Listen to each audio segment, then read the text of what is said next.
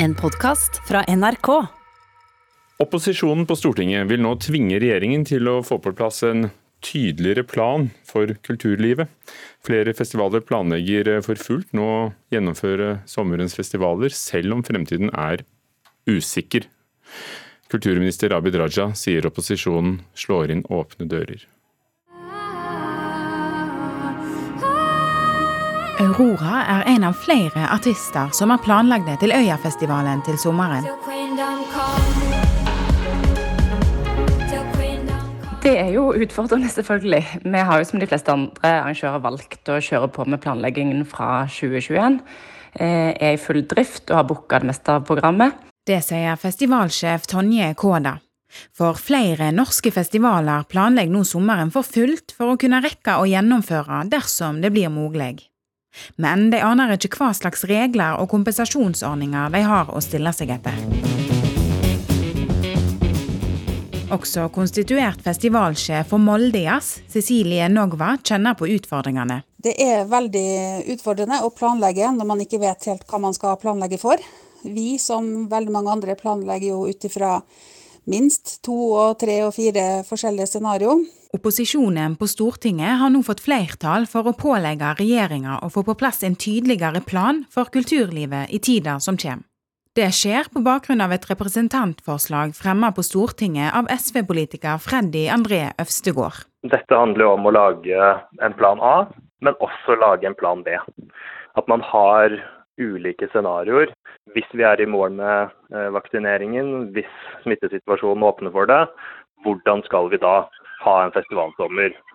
Men også ha en plan B som sier dette er den hjelpen festivalene får hvis det blir eh, fortsatt restriksjoner, hvis man ikke kan arrangere en, eh, en større festival f.eks. Det er helt fantastisk. Det er jo noe vi har etterlyst en eh, god stund nå. Vi støtter opposisjonen sitt eh, krav til at det skal komme en ny plan. Ja, dette gir festivalene mer håp enn de har hatt til nå. Men kulturminister Abid Raja sier representantforslaget slår inn åpne dører. Altså, Vi i regjeringa har lenge før jul sjøl jobbet med ulike scenarioer. Jeg inviterte tirsdag, altså for noen dager siden, til et bredt innspillsmøte som skal finne sted nå på torsdag som kommer, altså om en uke. Og så skal, har jeg også dialog med de største festivalene eh, for å se på hva slags spørsmål de trenger svar på.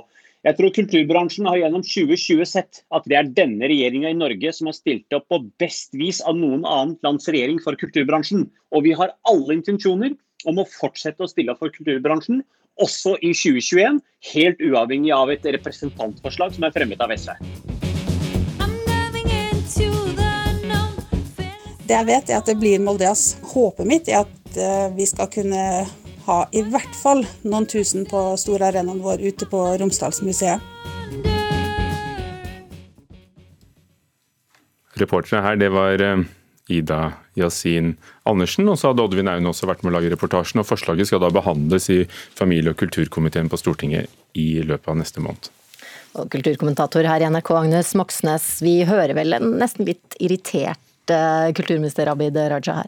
Ja, Han er jo en slags vandrende festival eh, selv, for han legger jo stadig nye planer for eh, Kultur-Norge. og ikke før er de planene lagt, så kommer hans egen regjering og, og helsemyndighetene og setter en, en stopper for dem. Og, og, Det er jo det som har skjedd egentlig gjennom hele dette året her, er jo at kulturlivet på en måte har måttet endre planer hele veien som en følge av smittevernreglene. Og så har Abid Raja fått eh, berettiget skryt for at han har klart å skaffe kulturlivet krisepenger. Eh, men eh, akkurat nå så er det nok ikke det han har gjort som, som teller. Det er en veldig urolig bransje, og de ser nå fremover hva er det han planlegger. Og her har han antageligvis ikke vært fremoverlent og tydelig nok, da. Men stemmer det han sier? Slår opposisjonen inn åpne dører her? Jeg syns han har et uh, poeng. Han har vært uh, veldig tydelig og konkret på at han skal, har hatt og skal ha fortsatt også dialog med festivalbransjen. Og han er jo fullt klar over hvilken situasjon de er i. Men så vet jo han også at smittesituasjonen akkurat nå gjør det veldig vanskelig å planlegge noe som helst. Det er jo stor frykt for et virus som sprer seg eksplosivt. Eh, så han ønsker seg nok litt mer tid, mens bransjen eh, vet jo altså det å planlegge en stor festival, det krever tid. Og opposisjonen på Stortinget vil jo da nettopp sikre Festival-Norge det de ønsker seg mer enn noe annet akkurat nå, som er forutsigbarhet. Men hvordan er det med nabolandene våre, Sverige og Danmark? Kan Nei, de, de har... legge festivalplaner for Nei, har... 2021? Ja, de har det egentlig akkurat som i Norge. Det er veldig stor iver og lyst til å samle folk til fest, men myndighetene vil ikke love noe som helst. I Sverige har allerede et par av de største festivalene meldt eh, eller kastet inn håndkle. Eh, mens andre planlegger med tanke på ulike scenarioer. Men mens i Danmark så fortsetter Roskilde å legge planer for sommeren, mens kulturministeren, altså den danske kulturministeren Joy Mogensen er veldig klar og tydelig på at det må de gjerne gjøre, men at det er på eget ansvar. Og hun lover ingen hjelpepakker hvis smittesituasjonen fører til avlysninger. Og så går jo nå festivalsjefer rundt og lurer på skal de arrangere festival, mens publikum lurer på skal man ta sjansen på å, å kjøpe billetter til festivalene. Etter det opposisjonen nå har kommet med, er det da større grunn til å ta sjansen på å kjøpe de billettene?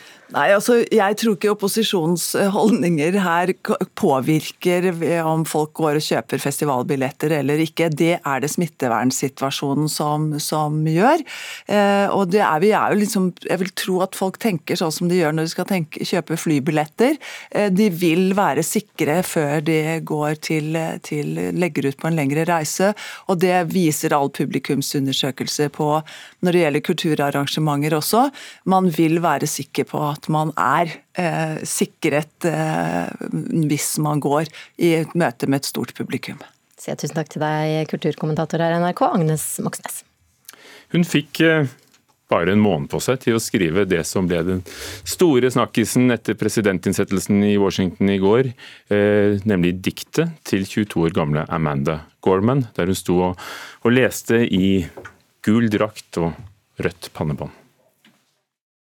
Let us leave behind a country better than the one we were left with every breath from my bronze pounded chest. We will raise this wounded world into a wondrous one. We will rise from the gold limbed hills of the west. We will rise from the windswept northeast where our forefathers first realized revolution. We will rise from the lake rimmed cities of the Midwestern states. We will rise from the sun baked south. We will rebuild reconcile, and recover in every known nook of our nation, in every corner called our country, our people diverse and beautiful will emerge battered and beautiful. When day comes, we step out of the shade of flame and unafraid. The new dawn blooms as we free it. Den nye soloppgangen blomstrer. Jeg skal ikke prøve meg på videre gjendiktning, men dette er altså The Hill We Climb, Amanda Gorman, 22 år gammel dikter under innsettelsen i, av Joe Biden som president i USA i går. Det var mange stjerner der. Lady Gaga, Jennifer Lopez for å nevne noen, men så er det altså Gorman som mange snakker om i dag. Kulturreporter Simen Hunding Strømme, hva, hva sier eh, reaksjonene? Reaksjonene er helt eh, enestående. Det er utrolig mye engasjement rundt eh, Amanda Gorman, eh, som har gått fra 36 000 følgere på Twitter til over en million, også en million på Instagram. Så det er ingen tvil om at dette her engasjerer, og dette er noe verden og USA trengte. Og nå skal Penguin Young Readers, eh, en del av Penguin-konsernet, trykke en egen eh, innbundet utgave av dette diktet. 150 000 eksemplarer er førsteopplaget, eh, skriver New York Times i morgentimene. Ehm, og så har hun altså noen inspirasjoner. Helt klart, Dette er et dikt som engasjerte. Hun snakket i seks minutter, og mange likte det de hørte. Oprah Winfrey, ikonisk talkshow-host, har sagt at uh, den amerikanske poeten Maya Angelou er veldig, hadde nok vært stolt av dette her. Så denne poeten som talte bl.a. da Clinton ble satt inn i 1993, hun er eh, kjent for eh, sitt politiske engasjement og sitt engasjement for afroamerikanskes rettigheter. Og det har også Amanda Gorman sagt selv, at hun er veldig inspirert av Maya Angelou, som nå er død. død. Og Amanda Gorman hadde med seg da denne kvinnen i, også i fremføringen, altså det var en del av, av diktet? Ja, både av diktet og av, eh, av utseendet. Hun bar en ring eh, som hadde en, en, fugl i bur på seg. Og dette er en, en tydelig parallell, har hun selv sagt, til Maya Angelou, som er kjent for sin selvbiografi som heter eh, I Know Why The Cage Bird Sings. Eh, hun har også sagt at hun har studert amerikansk litteratur, og spesielt diktningen til Maya Angelou når hun har skrevet dette diktet. Eh, og dette vi hørte innledningsvis med at vi skal inn i statene i nord, sør, øst, vest eh, og reise oss sammen, det er tatt direkte fra diktning til Maya Angelou. Takk skal du ha, Simen Hunding Strømme. Og så kanskje blir flere inspirert til å gå inn og, og, høre alle de fem minuttene som ligger ute på internett av Amanda Gormans uh, dikt 'The Hill We Climb'. En ny norsk dokumentar har kinopremiere denne helgen. Den deprimerte klovnen skildrer Knut Østrådals personlige kamp. NRKs kritiker Birger Vestmo har sett filmen. En mørk tanke er at livet er slutt, f.eks. Nå er, nå er det ikke noe mer. Det fins ikke noe glede, ikke noe å fryde seg over. Tittelen Den deprimerte klovnen gir en god indikasjon på filmens kontraster, fordi de fleste av oss forbinder klovner med latter og gjøgleri. Som en italiener påpeker i filmen, er det imidlertid kort vei mellom tragedie og komedie i klovnas uttrykk. Her forteller regissør Christian Wulff om sin gamle lærer Knut Østrodals depresjon, og hvordan han kjempa seg ut av den.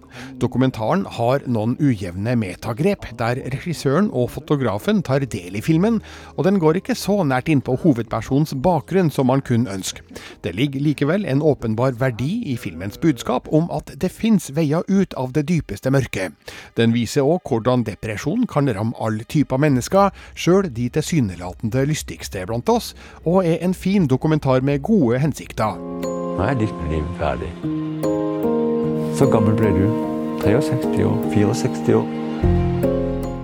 Filminga starta flere år etter at Østrådal kom seg ovenpå igjen, så her forsøker Wulf å skildre hovedpersonens sinnstilstand gjennom iscenesatte bilder og gjenskapte situasjoner fra da han sleit som verst. Noe fungerer godt, mens andre sekvenser kan virke i overkant tilgjorte. Vi får òg se utdrag fra en forestilling Østrådal har skapt, der han forteller åpent og ærlig om sine problemer, med detaljer som f.eks. hvilket tre han har sett seg ut for å henge seg i. Det er tidvis mørkt, men samtidig med velplassert galgenhumor og et befriende fravær av sjølhøytidelighet. Jeg har sett meg ut et tre. Et kraftig furutre. Den deprimerte klovnen forsøker ikke å gi et komplett bilde av Knut Østerådal, og man får bare fornemmelsen av hans levde liv før depresjonen inntraff. Filmen har noen scener der regissøren trer ut av den observerende rollen, og går inn som medspiller og samtalepartner. Det her burde kanskje enten ha blitt utvida til å være et gjennomgående grep i hele filmen, eller fjerna helt, uten at det er en stor innvending. Østerådals historie har en gledelig utvikling med nye opplevelser i Barcelona, Barcelona, der vi får se glimt av hva han betyr for et knippe unge flyktninger. Det her virker som en historie i seg sjøl, som filmen dessverre ikke tar seg tid til å fortelle skikkelig. Kanskje hadde det tatt fokus vekk fra det som er essensen i Østrådals personlige historie, men det hadde likevel vært kjekt med en videre utdypning av hvordan en mann som har vært så langt ned, kommer seg videre og sprer glede. Den deprimerte klovnen er uansett en sympatisk dokumentar som gir depresjon et klovneansikt. A clown is not supposed to be sad. and the press clown, no, no, no. Terningkast fire. Og den uh, deprimerte klovnen ble anmeldt av Birger Vestmo. Du kan lese flere anmeldelser på nrk.no.